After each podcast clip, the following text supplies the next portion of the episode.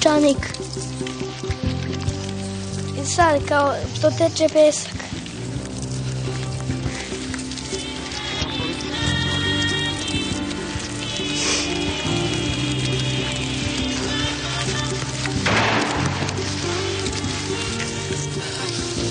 On je čovjek dosadan. I'm so sorry. On je čovjek dosadan čovjek. On je uvijek bio dosadan. Peščanik. Opšta histerija. beda, ljudska beda, ne samo ekonomska, nego i neka, ono, intimna, lična. Daj bilo šta. Daj, samo da se ušti nešto. Daj da bude moje. Nama je žao. Peščanik. Nije bilo dovoljno snage da kaže I'm so sorry. Meni je žao. Redka je generacija koja je dobila takvu šansu kao ova. To je tragična politička generacija. Ni štetu nisu napravili veliku.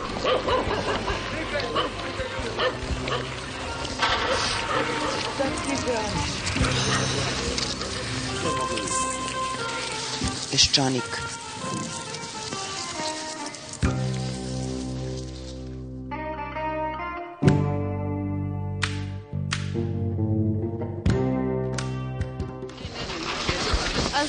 Znam, znam. Oni ja ne znaju kažem, se- ovo je Paunovićeva zadužbina. Ko je ovako? To su bila jedna poznata vukovarska familija. Aha. Mislim. I on je jako puno kuća imao u Vukovaru, sagradio. I to je njihova zadužbina. A ste vi odakle idete? Jeste vi sada izašli ovaj, iz Sad su nas izvukli iz skloništa. Koliko ste bili tamo? Tri meseca, valjda, jel Pepa? Da. tri meseca ste meseca bili. nismo vidjeli Da. ni sunca, ni meseca, što kažu. Samo po noći smo se šmucali i šuljali. Gde sad idete? A znate gde ćete? Kaže, u vele prometovo skladište idemo. Da. A gde je taj, e, ima kaže neka ekonomija, neki sabirni centar za, za izbjeglice? Sve njih šalju, sve njih šalju, evo pita njega, to je sabirni centar dole u Negoslav. Je li? Rika, sabirni je u, u Negoslav. U vele prometu. A ve, gde je to? Gde je Sad to? smo prošli pored toga. Pravo, samo pravo. Samo pravac u vele prometu. Ti si Beograđanka. Šta se tamo događa? Gde? Tamo. Tamo? Čiste, verovatno, od zaostalih ljudi. Koliko ste vi ovde? 15 dana. Dobrovoljac, jel? Da. A kako to čuo sam da ima ovde lešao usput? Kako to da Ima, evo, nije ima leševa? Evo ima sad ovamo jedan, eno tamo dva, tri, ima leševa koliko.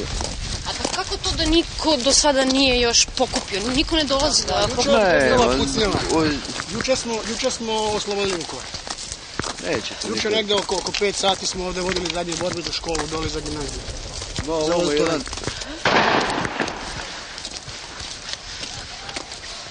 A šta je to bilo napred? Šta je ovo bilo napred? ovo je, Škola? ovo je škola. Škola, on je bio juče u toj jedinici koja je, koja je, evo taj čovjek je umro od srčnog udara juče. Pa što ga niste sklonili? Ne možeš ga skloniti, mi smo išli u proboj, on je bio u proboj, juče ja sam bio gore na tornju, gađao snajperom, onu gimnaziju tamo, crkvu.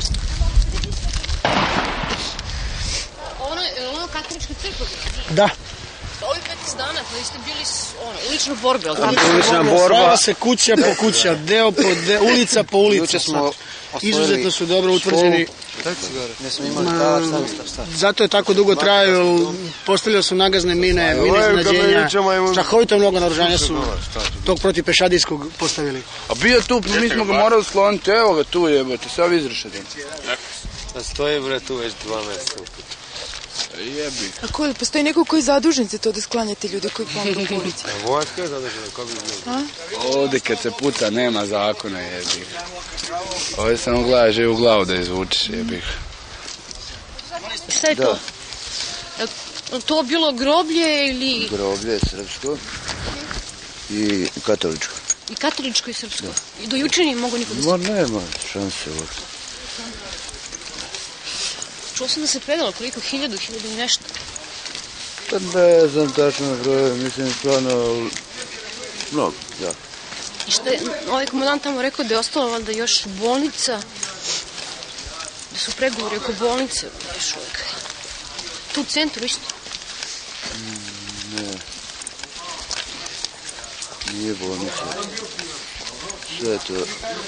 Ovdje samo su ostali oni koji su, što kaže, najgori. Mhm. I ovi civili. Da, da. Civili su svi, mislim, koji su htjeli da se izvuku.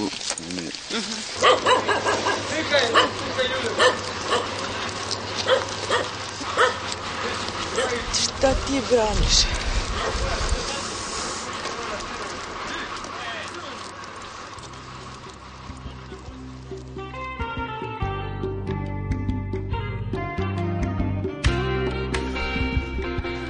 Poštovani slušalci.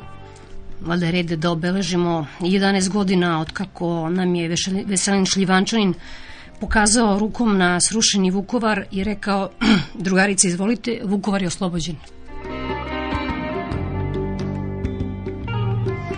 To je značilo da su, naravno, tada jedinice Jugoslovenske narodne armije, teritorijalne odbrane, Arkanovi šešljivi dobrovoljci ušli u srušeni grad, grad. A sada govori srpski artiljerac iz Pančeva. Ovde u Pančevu sedište te 59. oklopno mehanizovane brigade, ove koje je učestvovalo u operacijama u Slavoniji, mi smo prvi prešli Dunav, Bogojski most, Erdut, Jelobrdo, Dalj, Sarvaš, Osijek, Vinkovci, ove ne Vinkovci, nego Vukovar, bili smo na Vukovar, ja sam lično bio. Pre nego što ste ušli u Vukovar, gde ste bili tačno smešteni, recimo? Koliko ste mogli daleko da vidite ono centar grada sam? jako lepo. Ja sam bio na Bršadinskom silopsu, pošto sam ovaj, izviđač pri zemaljskoj artiljeriji. Obslužio sam ovaj, dve minobacačke baterije, one su bili, ne znam da li to znate, to je ovako levo od Bršadinskog silosa, meni je onda desno bila Trpinska cesta, sa tog položaja sam ovaj, rukovodio vatrom. I ušao sam ja posle u Vukovar. Nije bilo mnogo otpora, nije bilo šanse, u dalj smo prošli. Malte ne, mi smo prolazili kao kroz, kroz sir, sad tako, ako mogu tako da kažem, jer ipak je to ova jaka brigada, to je okopno mehanizovana brigada koja broji u punom sastavu 2600 ljudi, to nije nekako ovako brojčno gledati, to je mali broj ljudi, ali to su tenkovi, to su minobacači, to su haubice, to su višecevni bacači raketa, sve to i to su mislim to je tehnika koja jednostavno prolazi, koja je probojna, koja se koristi za, za takve stvari, ali nažalost bilo ono pred Vukorom stani pani, pošto je izgleda bio potreban i nama i njima, ne, njima kao simbol otpora, nama kao simbol jeli, nekog osvajanja, tako da je na kraju je moralo tako da se završi, jer je mnogo njih bilo u Vukovaru. Ja nisam mirovnjak, mislim, daleko od toga, evo rekao sam da sam u DSS-u, nisam ni ovaj, za rat, jer verujte, protiv rata su najžešće oni koji su bili u ratu. Vi nikad ne možete biti protiv rata toliko koliko sam ja, koji sam bio u njemu i koji imam stravično iskustvo. I mislim da ovo nije zavisilo od mene. Ako se pridržavamo nekih uzusa zakona tako da ako neko povede secesionistički rat, oni su trebali ruku na srce gore da prođu. Ali već kad je neko pošao u rat, hoće da se ocepi, onda treba da dobije, znate ono, ne mogu da kažem da, da mi je žao, jednostavno nema, nikad nisam razmišljao o tome da mi je žao što sam bilo, bio u tom ratu. Žao mi je, verovatno mi je žao što sam rušio. Ja sam, jeli, između ostalog rukovodio tom artiljerijskom ratom, rušio sam i, i Vukovar, rušio sam i deo Osijeka, rušio sam i Tenski Antunovac, tako dalje, žao mi ja, verovatno ne znam koliko sam ljudi ubio ili koliko je ljudi poginulo tih granati, te artiljerijske vatre kojom sam ja rukovodio. To mi je jedino žao što sam nekoga, ali ja sam to u sebi iz, izmirio, ja imam zdrav odnos prema sebi prema, prema svetu, prema nekom, pogotovo što mi u tome pomaže, što sam ovaj, bez preuveličanja ili patetike eh, vernik, znate.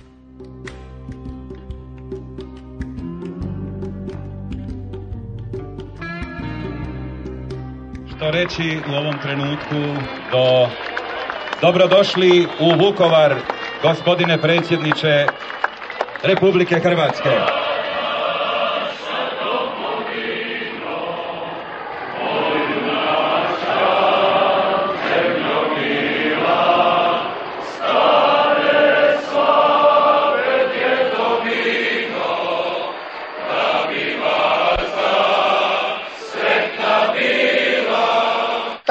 Opći oprost, amnestiju i pomilovanje za sve one koji nisu počinili ratne zločine, koji nisu okrvavili svoje ruke izravno krvlju.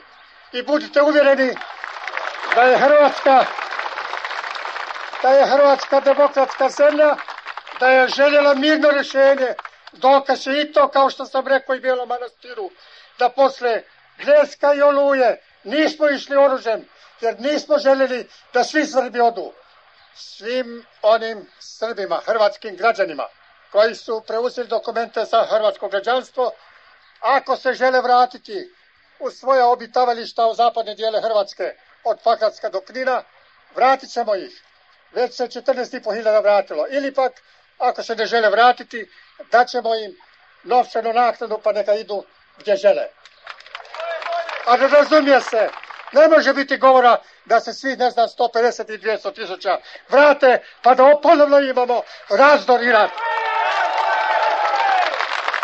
U ostalom, u ostalom, to ni oni sami neće, više od 90% neće da se vraćaju.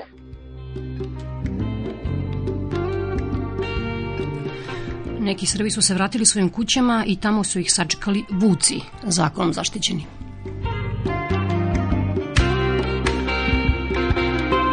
Kad sam ovaj najprije došao tamo, ja mislim pijeni ljudi, kad ono vuci, divlje svinje na sve digoše. Eto tako, divljač na stvarno pojde, a onda ovaj vuci zaštićeni. 40.000 kuna kubije vuk. A da, imaš kao pravo to Bože tužiti je zbog toga što je on zakonski zaštićen.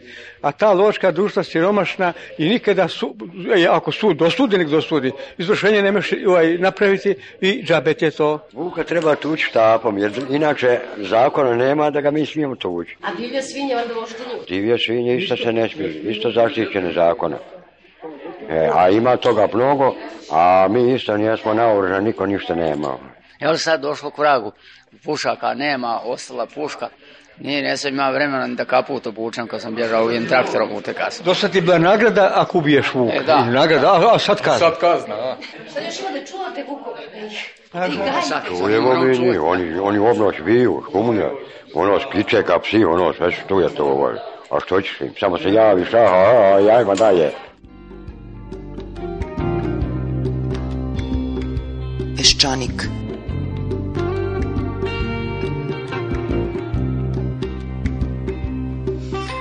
Ajmo dalje, u stvari vraćamo se našim večnim temama, izborima, Hagu, Đinđiću i Koštunici i ostalim sitnim prepredanjacima. E, govori sociolog Aleksa Đilas. Ne mogu da kažem da poznajem Koštunicu, ali imao sam s njim dva duža razgovora, ali to je bilo pre nego što je on postao predsednik. I on je čovjek koji ostavlja vrlo dobar utisak, mislim. Skromnog čoveka, pristojnog, obrazovanog, ja mislim da je Koštunica na neki način politički podeljena ličnost. S jedne strane imate čoveka koji je onaj klasični evropski liberal, vladavina zakona, i to su naravno građanska prava, ne znam, vlada koja je stalno odgovorna pred građanima, ne samo na izborima, nezavisno sudstvo. I to je sve zasnovano na idejama evropskog racionalizma i, i sekularne države, znači gde, gde se crkva bavi pojedincem, ali nije povezana sa državom. Znači, to je taj jedan koštunica. Onda imamo jednu drugu koštunicu, kome gotovo da ima nekog nacionalnog misticizma.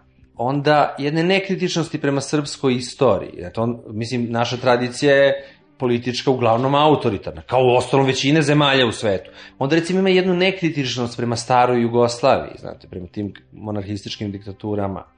On se ne izjašnjava o drugom svetskom ratu, ali mi se čini da je taj njegov antikomunizam i antipartizanstvo Naravno da se tu može mnogo, ne može, nego mora mnogo kritikovati i odbaciti, ali da je nekako usko da ne shvata te, da kažem, kreativne snage i u partizanskom pokretu i u revoluciji koje su nezavisne i od Tita i od komunističke partije, nego prosto ti slojevi naroda koji kreću u borbu, koji se nadaju nečem novom, koji obnavljaju Jugoslaviju. Opet mislim da ima neku nekritičnost i prema Nediću i prema Draži, ali on... on, on e, da, to bi onda bilo i najopasnije. Ali opet, činjenica je da budemo fair prema Koštunici, on neku propagandu takve vrste ne vodi, mislim, šta je, šta je opasno kod ekstremne desnice? Pa to što je ona nasilna. Jel? Ja stvarno ne mogu da povežem Koštunicu sa bilo kakvom vrstom nasilja. Mislim da Đinđić u više stvari može da se zameri nego Koštunici. Prvo, tačno je da Đinđić nema ta neka desničarska uverenja, da nije pod sumnjom da je, ne znam, ima simpatija za Ljotića, za Nedića. Međutim, Đinđić je takva vrsta političara, da je to trend, on bi imao ta, takva ovaj, uverenja. I da ta, ta linija pobeđuje, nema nikakvog problema. Ovaj. Mislim, ili u svakom slučaju ostavlja takav utisak. I to je sad taj hiperpragmatizam, koji u stvari u sebi ima nečeg autodestruktivnog. Vi recimo, ako hoćete da budete lukavi makijavelista, osnovno je pravilo da to niko ne zna sem vas. Međutim, Đinđić je ona vrsta naivno lukavog političara, koji voli da bude lukav i da svi znaju da je lukav. Razumete, čužak ima nečeg detinjastog. Pa sećate se ovo, ovog slučaja kad je napravio u Narodnom pozorištu za 11. septembar komemoraciju, pa je došao američki ambasador. Sad o tome se može raspravljati, kao da li mi sad treba da žalimo Amerikance koji su nas bombardovali. Ali recimo što da ne, na primjer, što da ne, u redu. Onda mu neko postavi pitanje oko toga, on kaže, pa znate, u politici treba neki put biti i luka. E sad pazite, on prvo time uvredi ambasadora Mešu. Onda na neki način uvredi i te sirote ljude koji su poginuli, te žrtve. Znači da u stvari nema nikakvu pravu sućut sa osjećanje za njih, nego eto, ba, to koristi radi nečeg drugog. A onda ispadne detinjast, političar. I ja mislim da, to, da je to ono što može njega, da na taj način, da ima jedna autodestruktivna crta u, u Đinđiću, da je on čovek koji ima tendenciju da uništi sebe, da bi se onda ponovo stvarao. I meni ne, mene ne bi iznenadilo da Đinđić nestane iz politike i da onda posle potpuno se ne, negde drugo pojavi u nekoj drugoj formi sa nekakvom drugom platformom. Ali dobro, sad ovo su neke observacije ovako pseudoliterarne i impre, impresionističke. Najozbiljnija stvar kod Đinđića je ta da u ovom trenutku u Evropi nijedan političar nema toliku vlast sa tako malo demokratskog legitimiteta. E, to je stvarno ozbiljna stvar. Pazite, osnovna ideja je kao ne treba imati izbore, treba praviti reforme. Međutim, reforme nikako ne mogu da budu uspešne ako nemati za sebe mandat jednog širokog broja ljudi. Prema tome, čak je bolje ako imate da, da jedan reformski program koji je dobar bude poražen na izborima, pa da ljudi vide posle toga da su napravili loš izbor, pa da na sledećim izborima glasuju za takav program, nego da se ljudima nametne taj program. Jer ako ga oni iskreno nisu izabrali, ako im je nametnut od spolja, on po definiciji ne može da uspe.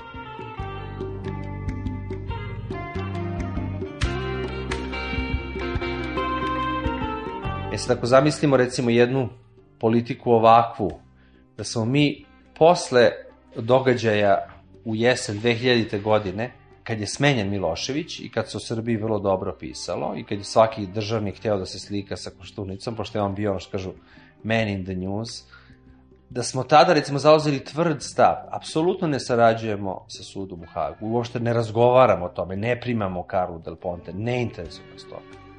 A s druge strane učinili zaista veliki i ozbiljan napor da sudimo pre svega Miloševića ovde u zemlji. Da smo možda mogli da prosto ugasimo sud u Hagu. Međutim, mi smo izabrali, ja stvarno mislim, najgoru varijantu. Mi smo njega prodali. Nikog nismo prevarili. Znači, oni su znali da je to urađeno pod pritiscima i za pare. Sad, vidite, imate jednu komplikovanu stvar, ovu tužbu Bosne i Hercegovine za genocid. Sa stanovišta Zapada, samo postojanje Republike Srpske je neka pobeda srpskog nacionalizma i Miloševića. I oni bi na ovaj ili onaj način hteli da ugase Republiku Srpsku. I recimo, ako nas osude za genocid, pa mi moramo da plaćamo odštetu, pa ta odšteta ide u centralnu vladu u Sarajevo, a istovremeno legitimitet Republike Srpske je onda sasvim potkopan, ili onda ona tvorevina zasnovana na genocidu. Sad ja kad kažem ovo, da ne bi bilo nesporazuma, mislim, za Republiku Srpsku su se zalagali srpski nacionalisti. Međutim, kad je pre izbijanja rata u Bosni, ja sam se zalagao za jedinstvenu Bosnu. Da je ta, na neki način to bio suviša rat. Bilo kako bilo, ratovali su Srbi, ratovali su muslimani, mislim u Bosni ratovali su Hrvati. Naše ministarstvo unutrašnjih poslova je naoružavalo paravojne formacije koje su vršile zločine u istočnoj Bosni, etnička čišćenja, to je sve poznato. Međutim, ja sad smatram da posle tako velikog i krvog sukoba jedinstvena Bosna nije moguća. I mislim da ovde u Beogradu ljudi koji su protivnici srpskog nacionalizma, da treba to da uzmu u obzir da se sad izmenila situacija i da su Srbi sad prevashodno žrtve, a posebno u Republici Srpskoj, potencijalne žrtve. Pa, bez obzira, recimo, što je, ne znam, Srebrenica težak zločin, da li je to sad razlog da, ne znam, stotine i stotine hiljada ljudi budu istarani iz svojih domova ili stavljeni pod hegemoniju Sarajeva, što bi u stvari bila neka vrsta muslimanske hegemonije. Haški sud je takav kakav jeste. Sa svim problemima i svim manama. S druge strane, postoji takođe činjenica da suđenja ozbiljnih u Jugoslaviji, odnosno u Srbiji, nije bilo za ratne zločine. Da. Danas niko ne informiše šta se dešava sa lešivima iz hladnjača, Tačno, tačno, da. Dalje. I sad, ako su to dve činjenice, da li vi mislite da je bolje da zbog Haškog suda takav kakav jeste, da se onda tim ljudima ne sudi, ili ako mi ne sudimo, neka im oni sude, pa makar kako. Ako je to makar kako. Mislim, to je prosto I nije tako davetska dilema. Na kraju da. se postavilo da je to objektivna situacija. Hag je od Miloševića, jednog propalog političara i jednog čoveka koji je ratni zločinac, mislim, nesumnjivo. Genocid, to, to mi onako izgleda preterano, ali da je on čovek kriv za zločine dovoljno velike da treba da provede ostatak života u zatvoru, ja u to ne sumnjam od 92. godine, razumete. I to sam javno govorio, prema tome što bi sad promenio mišljenje. Međutim, taj sud toliko loš, razumete, da on, a on opet ima neku specifičnu strukturu ličnosti, to je neka vrsta depresivne ličnosti koja u konfliktu nalazi snagu. Ja verujem da Miloševića recimo oslobodite, date mu penziju i pošaljete ga u njegovu kuću u Tolstojevoj da bi on ili umro ili izvršio samoubistvo. Međutim, kad ga napadaju, onda, onda to njemu budi neke snage, a to o, nije obična ličnost. I on je napravio od tog suda kad znači kompromituje se pre svega ideja Međunarodnog suda, a onda ovde uverio je Srbe da je to sve cirkus i da je to sve namešta. Tako da ima potpuno suprotan efekat. Znači šta time dobijate? Naša zemlja ne dobija na ugledu, jer svi ovi profesionalci znaju da mi u stvari to ono lupe nas batinom, pa mi onda uradimo ono što nam kažu. Niti je u našem društvu došlo do moralne katarze, niti smo podigli sebi ugled u svetu, nismo ni neke velike pare dobili. mislim, mislim da je to sve neka krat, kratkovida politika.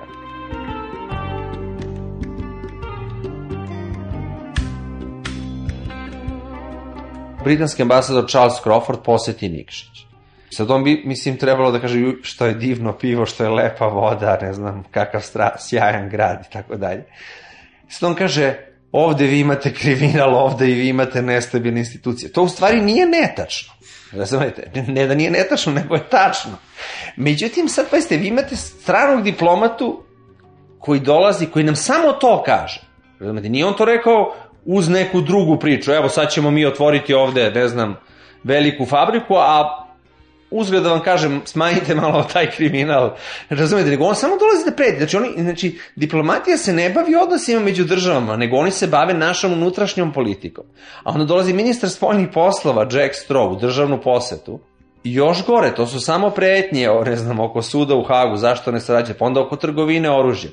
Naravno da mi treba da se pridržavamo međunarodnih prava, odluka, saveta bezbednosti, da ne treba to da kršimo, da ne treba da dajemo tiranima i masovnim ubicama kao što je Saddam Hussein oružje. Opet, s druge strane, da dolazi ministar spoljnih poslova i samo o tome da govori, a ništa ne nudi, ništa ne preporučuje, nigde nas ne hvali.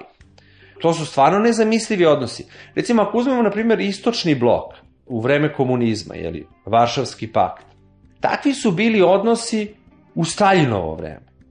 Znate, recimo, ja kad kažem mešanje u naše unutrašnje poslove. Ja ne mislim da mi možemo da budemo, kaže, mi treba da budemo ravnopravni. Pa ne možemo da budemo ravnopravni. Te su zemlje mnogo veće, mnogo jače, mnogo bogatije i bilo bi neprirodno. Ali mogli bi da budemo partner, neki mlađi partner tih zemalja. A ne samo da, samo da nam se daju direktive. Tu ima nečeg po, ponižavajućeg. Recimo Jack Straw, on razgovara sa demokratski izabranim liderima, znači ne nekakvim uzurpatorima, ne nekom privremenom vladom. Prema tome on time u stvari na neki način vređa i pocenjuje individualne ličnosti tih ljudi koji su glasali. To je u stvari jedno nepoštovanje prema demokratiji. Znate, ne možete tako da razgovarate sa nekim koji je u normalnim okolnostima demokratski izabran. Bez obzira koliko je ta zemlja mala, slaba, sa manama, sa grehovima, prošlosti. A onda, znate ono, moja omiljena tema, mislim, grehovi zapada, pazite, zločinaca i ubica kakvih, kakve se sude u Hagu imate širom Evrope. Francuska ih je prepuna, iz Alžirskog rata, na primjer.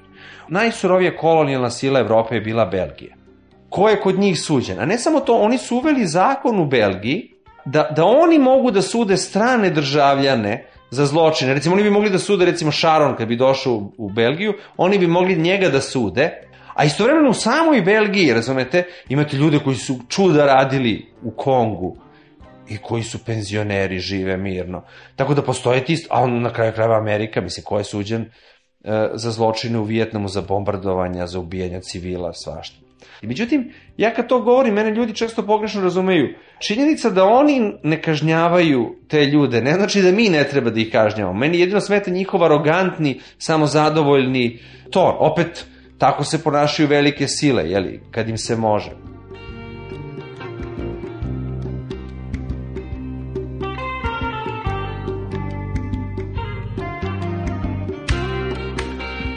nije mi žao 29. novembra, žao mi je onog što je 29. novembar predstavlja, a to je Jugoslavija i Jugoslovenstvo.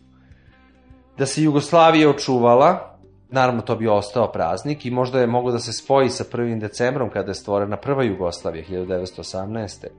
Ali sad, pošto te države nema, zaista je besmisleno da se slavi taj praznik i mogu da shvatim da je, da je ukinut.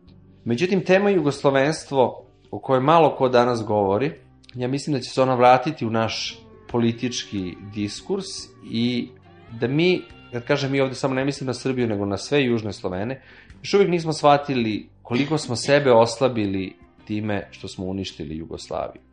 Jugoslavija je bila država koja je bila važnija i značajnija nego što je zbir njenih delova. I to je uvek pozitivno za jednu državu. I jugoslovenstvo kao nacionalna ideja imalo je nečeg u sebi vrlo liberalnog i tolerantnog i pozitivnog. Vrlo je zanimljivo da vi recimo u 20. veku gotovo da nemate pristojnog političara ili intelektualca u svetu koji je bio protiv Jugoslavije. Mislim, samo su stvarno onako negativni likovi 20. veka su neprijatelji Jugoslavije. Mussolini, Hitler, Stalin. Razumete, recimo, svi nekakvi ti heroji 20. veka, od ne znam Masarika u Čakoslovačkoj do Roosevelta u Americi, do ne znam ako ćete Einsteina, svi su pristalice te neke tako države da se ona očuva kad bi postajao vremeplov, na primjer, i kad bi sad mogli da sednemo u vremeplov i da se vratimo recimo u 90. godinu, ja verujem da zapadne sile, recimo Amerika, na primjer, ne bi dozvolile raspad Jugoslavije. Uopšte, i, i apsolutno bi Nemcima najstrože zabranili da podržavaju Slovenci i Hrvati i insistirali bi da se ono, kao što je predlagao Ante Marković, prvo održe savezni izbori, a rekli bi nema ocepljenja. Ima da izgradite demokratske institucije, borite se protiv Miloševića, u okviru Jugoslavije političkim sredstvima. I to je bilo sasvim moguće. Pazite. Kad govorimo o srpskom nacionalizmu koji osuđujemo, moramo da kažemo dve stvari. Postoji srpski nacionalizam kao sila sama po sebi, koja se prosto rađa iz megalomanskih ambicija u srpskom društvu, u srpskoj inteligenciji. I to je jedna konstanta. Međutim, postoji srpski nacionalizam koji je reakcija na raspad Jugoslavije. Razumete?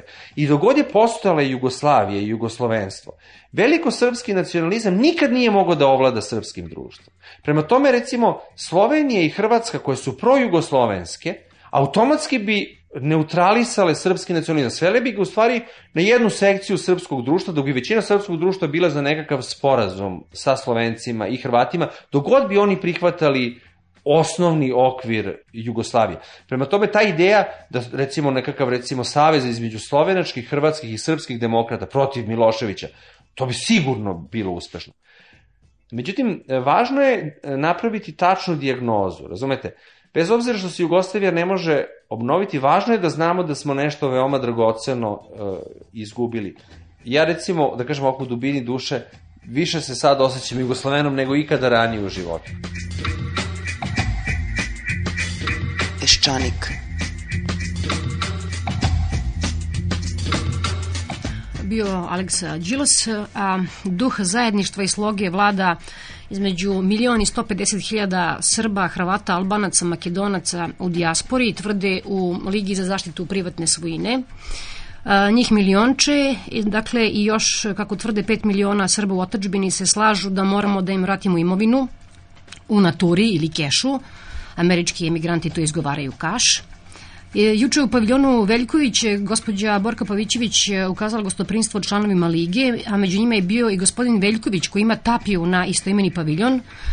onda obližnju zgradu Nemačke ambasade, onda placeve na Kalemegdanu, onda Beogradsku industriju piva i ko zna šta još. Porodica Veljković je pre rata spadala u 50 najbogatijih porodica u zemlji, rekao nam je juče Slavenko Gregurović, predsednik Lige. Dakle, u narednih 7-8 minuta slušate ljude koji imaju tapiju. Ja bih jako voleo, ali bi volao da bude prisutno i gospođa Borko Pavićević i da čuje ove reči. Volao bih kada bi onaj paviljon tamo koji stoji, u koji mi nismo ušli, dobio onu funkciju koju je dobio nekad i kada bi se neki 4 metra visok Mojsijev odlivak našao tamo gde mu je bilo mesto i gde je bio pre 50 i više godina, gospodine Veljković. Gospodin Veljković je imao veliki paviljon i familija Veljković je imala svoj privatni muzej i privatnu galeriju.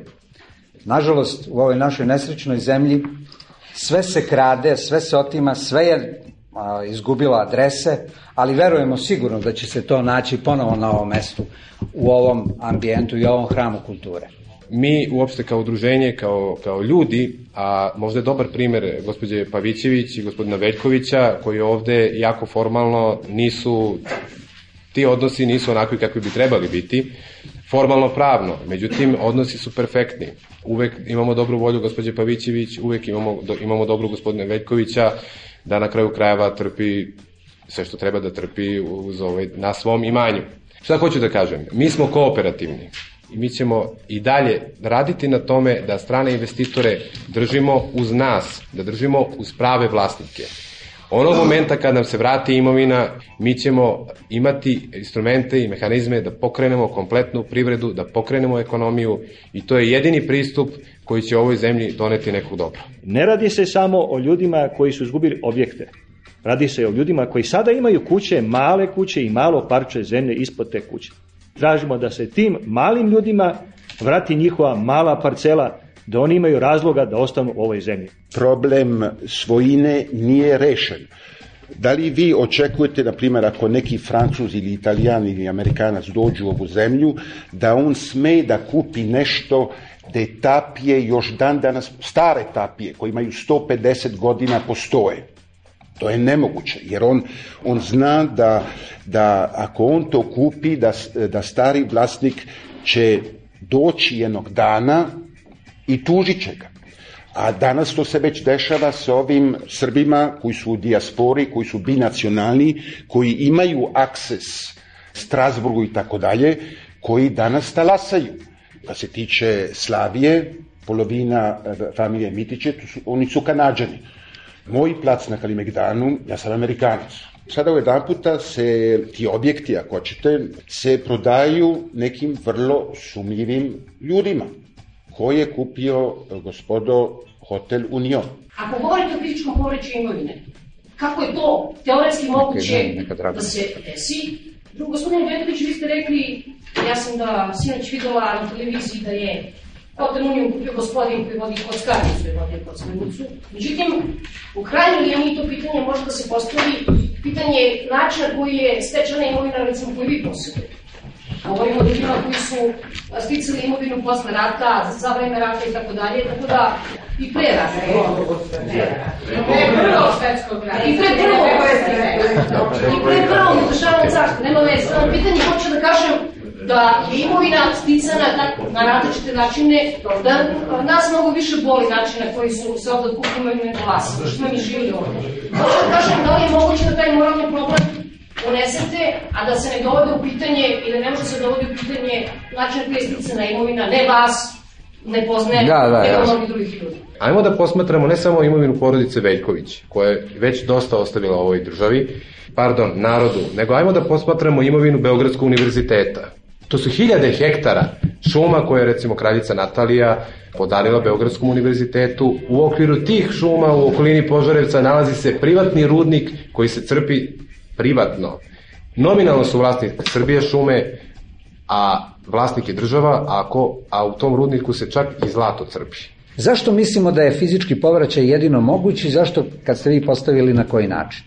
Za razliku od vlade koji sve to vidi kroz budžet, mi to vidimo našim putem, na način kako su to radili naši očevi. Imovina koja je stvarana mora se na isti način i obnavljati. Radom. Radom.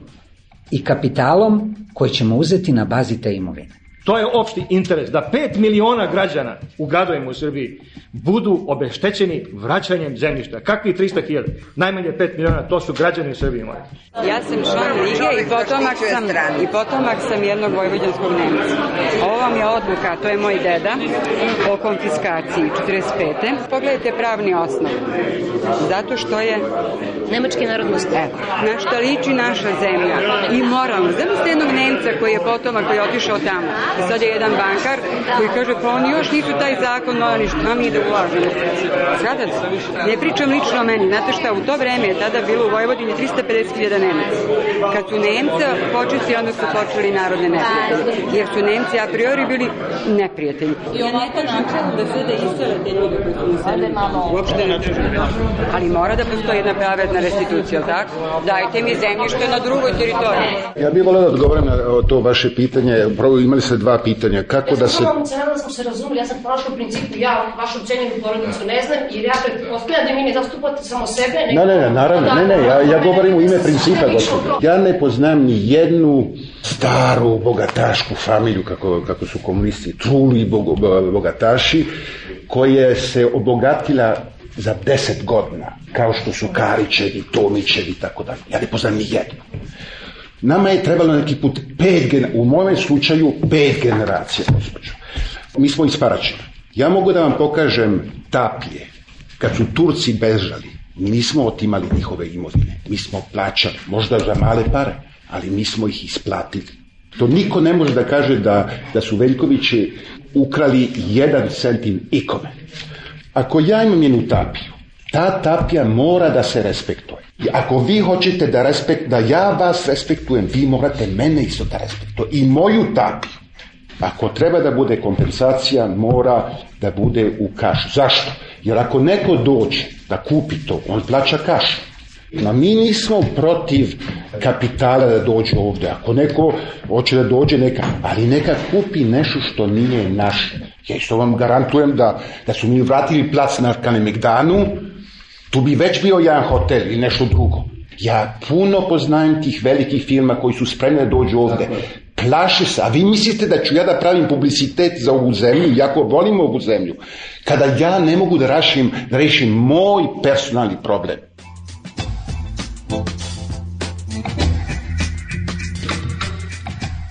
Čuli ste članove Lige za a, povraćaj privatne imovine, kako se to zove, o poslednji je bio gospodin Veljković, vidite, teli su juče da me pojedu kad sam postavila to pitanje morala, čim počnemo moralu, skoro da izbije tuča. Naravno, nepravde se moraju ispraviti, međutim, problem je kako vratiti fizički svima imovinu, kad caru vratimo carevo, Bogu Božije, šta će mi da jedemo? Gloginje, drenjine, mušmule, neću da kažem reč koju sam mislila. A, dakle, ovo je emisija Peščanik, ostalo mi još 15 minuta, vi sada slušate gospodina Nenada Prokića. Naš život se odvija po nekim amplitudama, po tome kako mi uspemo sebe da saberemo i kako uspemo da se ne raspadnemo, pa u tom trenutku i tog dana tako mislimo. I ja se sigurno razlikujem od sebe od pre nekoliko meseci možda više nego ti i ja trenutno, a u stvari postoji jedna konstanta. To je nešto što ima sitnu manifestaciju, a užasno je golem problem se valja iza toga. To je neki naš sitni budžaklijski problem, kurđonske Srbije, stalno saznaješ u njoj da se bavimo nekim sitnim problemima i tu je opšti interes uvek gurnut u stranu i nikoga čak nije ni svestan. Ovde svako ko se bavi opštim interesom se naziva idealistom i budalom. I ispada da to nije u stvari nama ni promjena kulturnog modela dovoljna. Mi čak možemo da fingiramo neki kulturni model koji bi zaličio na evropski. Evo, ako Đukanović fingira da je on sad evropski orijentisan, a neće osnovni parlamentaristički princip evropski da usvoji, ja ne znam o čemu on priča sa Solanom uopšte kad se sretnu. Znači, sad Evropa vidim da je ovaj poslednji, to mi liči već malo i na ultimatum. Ili se dogovorite, nešto u kratkom roku i rekli su tačno o čemu da se dogovorimo, ili nemojte ni pomišljati o ulazku u Evropu. Ja mislim, nažalost, da će to biti ponuđeno kao opcija iznervirane Evrope, a kao još veću žalost konstatujem da će to ovde biti kod velikih i brojnih krugova dočekano sa olakšanjem. Jer onda to je taj mutni potok u kome mogu da se love razne stvari. Ne mogu da shvatim uopšte sukob između Đinjića i Koštunice, osim na ličnom planu i na ličnoj sujeti. I to je krajnje neodgovorno i s jedne i s druge strane. I ja sam se otvoreno, i sad isto, ja sam se otvoreno stavljao na tu bršu dinamičniju stranu, mislio sam da mi nemamo vremena uopšte za nešto, ali vidim da i ta druga strana se bavi sujetama na jedan neprimjeren način i, nam, i u stvari mnogo više nego, nego što bi to bilo normalno i, i dobro. Ako je tako to na vrhu, identifikacija ide naravno od dna prema vrhu. Onda je to na svakom nivou. Jedino što mene teši je, bio sam na večeri kod jednog ambasadora jedne strane evropske države, zapadnoevropske, kad je zazvonio njegov mobilni telefon, on je u toku noći otišao da izda vizu jednom crnogorskom političaru koji je bio pozvan da ode to jutro u Strasburg, da tamo se pokloni administraciji i da mu nešto bude saopšteno. Mene teši ta vrsta nekog interesa za nas i ne, neke vrste pokroviteljstva, međutim, postoji granice njihove strpljivosti koji jednu trenutka može nas da stvarno ostavi, da se mi još malo tu pokrvimo i pobijemo, pa tek onda da, da razgovaraju s nama.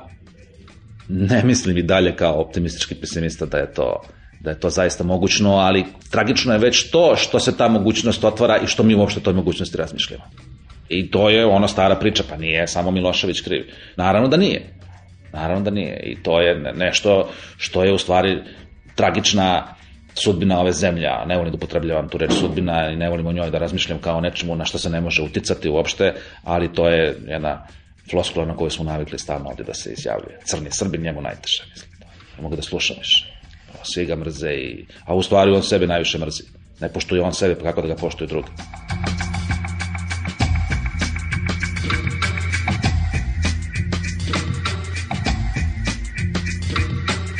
Ti kad ideš ulicom i vidiš čoveka da prelazi van pešačkog prelaza, tebi to ne izgleda nenormalno.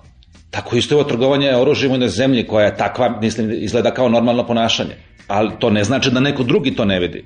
I mislim da su samo nas podsjetili, onako, oni izvuku za nas kockicu, ko detetu. Mislim, stvarno, ono, Jack Straw dođe i kaže, čekaj malo da vidimo, ovo dete ne valjalo, ajde mu kažemo da mu pokažemo, ili ne zna da pređe ulicu, ili ne zna ovo, čekaj. I on stvarno, čovjek se verovatno i čudi da to može da prođe ovde, ali to je ovde model ponašanja. Ovde se, ovde je čovjek koji krade ili koji vara, on je u stvari sposoban. To je već nešto što je ovde se prihvata od davnina kao nešto. A onaj, kažem, koji se zalaže za opštu stvar, za koji podneće leđa, koji nema od toga čak nikakve koristi, pa njega smatraju ludakom. Mislim, to moramo da budemo svesni toga. I naš nesporazum sa svetom je u tome što mi javno nekvalitet priznajemo za, za sposobnosti. Mi nemamo taj osnovni, osnovni model ponašanja. Ovo društvo nije izgradilo konstrukciju na kojoj postoji. Od crkve pa nadalje. A sad su uključili ovu polemiku oko potpisa ovih intelektualaca. Ja jesam za to da se stvari odmah konstatuju, a ne kad, kad pogine 200.000 ljudi a mislim mi ni onda ne konstatujemo, ali ja, odmah kad se primeti nešto, neka pokondirenost, neka prevara, ne, nešto što ide u lošem stranu, treba odmah reći. Neka je i preuranjeno, neka se kaže. I šta kako reaguje crkva, uključuje popa sa kompjutera. To je verovatno nalog njemu bio. Ne verujem da je on baš pozvan i da njemu to najviše smeta od svih u, u patrijarši ili od svih popova u svim crkvama u Srbiji. Ne, on je izabran kao najbliži u stvari tom krugu da on njima zameri, a to onda ima veću veću nego kad bi to neki konzervativni pop kao Amfilohije recimo primetio. To je znači još jedna partija. Pa ja ne znam da li u, u nekoj normalnoj zemlji se crkva ponaša partijski. U stvari se zaista ništa nije promenilo. Pre ili kasnije, mislim, svako pametan je znao da posle 5. oktobra neće da se promeni suština. Ali smo se nadali da će barem forma, da nam se istorija neće vratiti u tako podrugljivom smislu, mislim u suštinskom smislu, tako brzo. Naravno, verovali smo da će to malo drugačije da izgleda barem u formi. Ja, zato mene teši to što je recimo pa jedna ulica u Beogradu asfaltirana, jer to je opet nešto što, ali kad vidiš tu da sada recimo neko stane i parkira automobil ispred parlamenta srpskog i taj automobil ispusti ulje na onu ploču koju smo mi, poreski obveznici, teško platili, kako da kažem, to je nešto što je neverovatno. U Singapuru se za to gubi državljanstvo A ovde to rade vozači i kola naših parlamentaraca.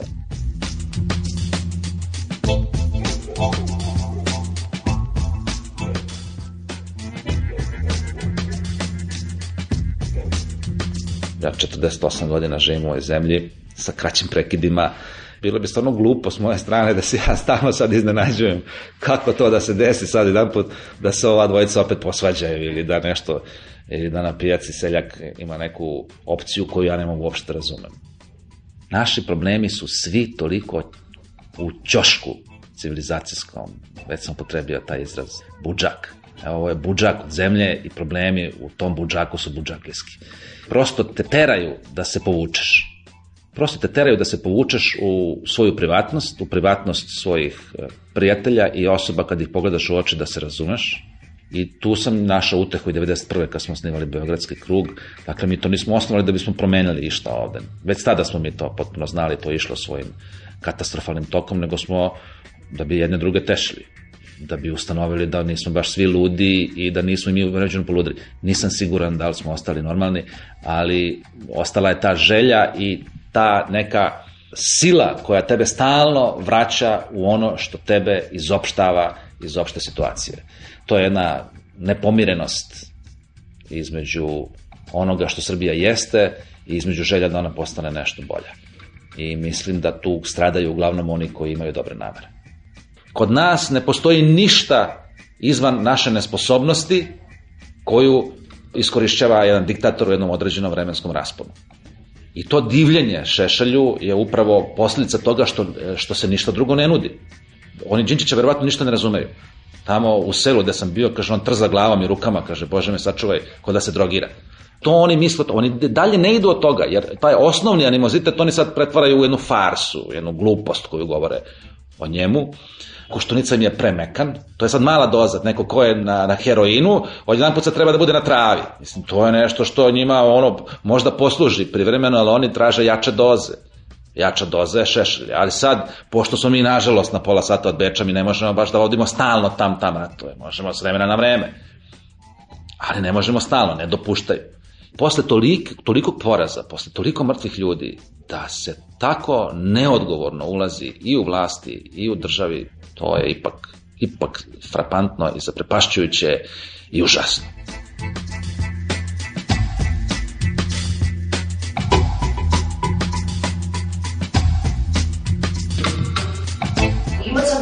Stvari koje mi moramo da uradimo. Mislim, milom ili silom. I sve to neko gubljenje vremena. Što, mislim, šta se dešava? Ovaj, to mislim da može da se nadoknadi ili ne može da se nadoknadi? Pa ne, neće da se nadoknadi, pa gubljenje vremena je naš osnovni posao, to je biznis svakog ovde. Ja imam samo jedan, jedan odgovor na to, jedan savet, ukoliko smem da dajem savete.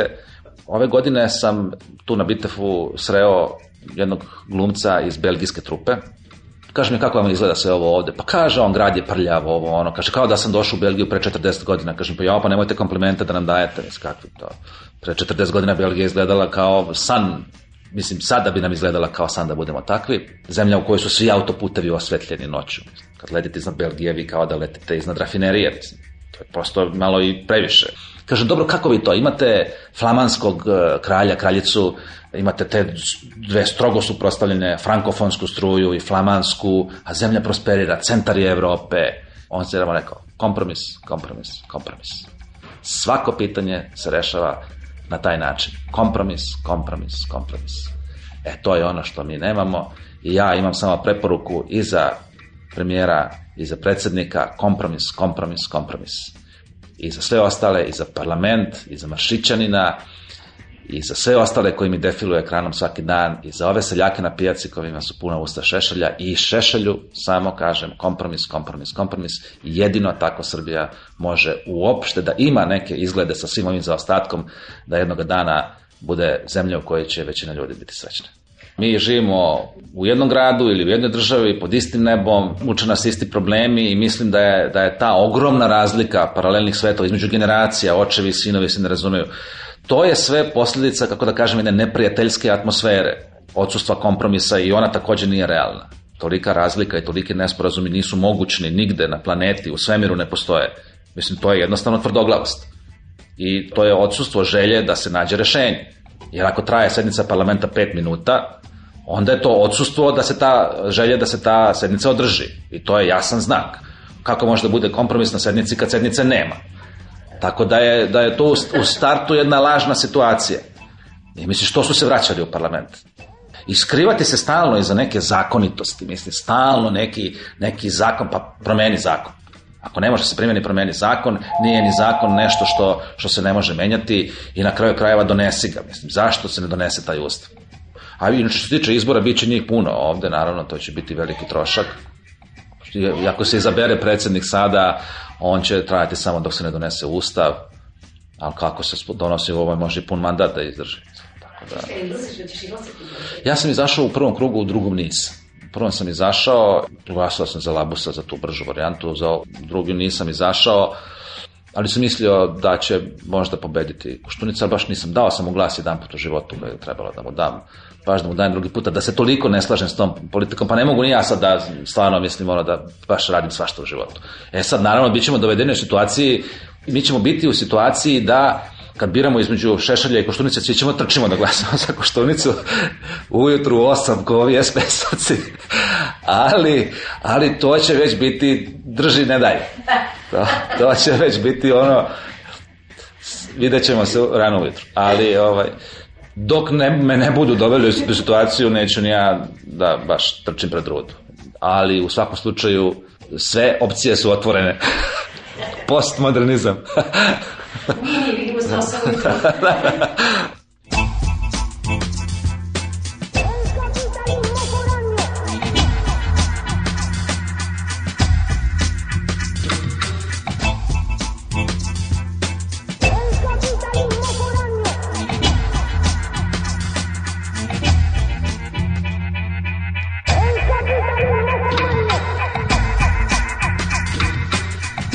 bio gospodin Nenad Prokić, dramski pisac, a emisija Pešanik je završena. Realizacija emisije Marko Perunović, a, montaža Ratko Ristić, Svetlana Vuković i Svetlana Lukić vas pozdravljaju prijedno.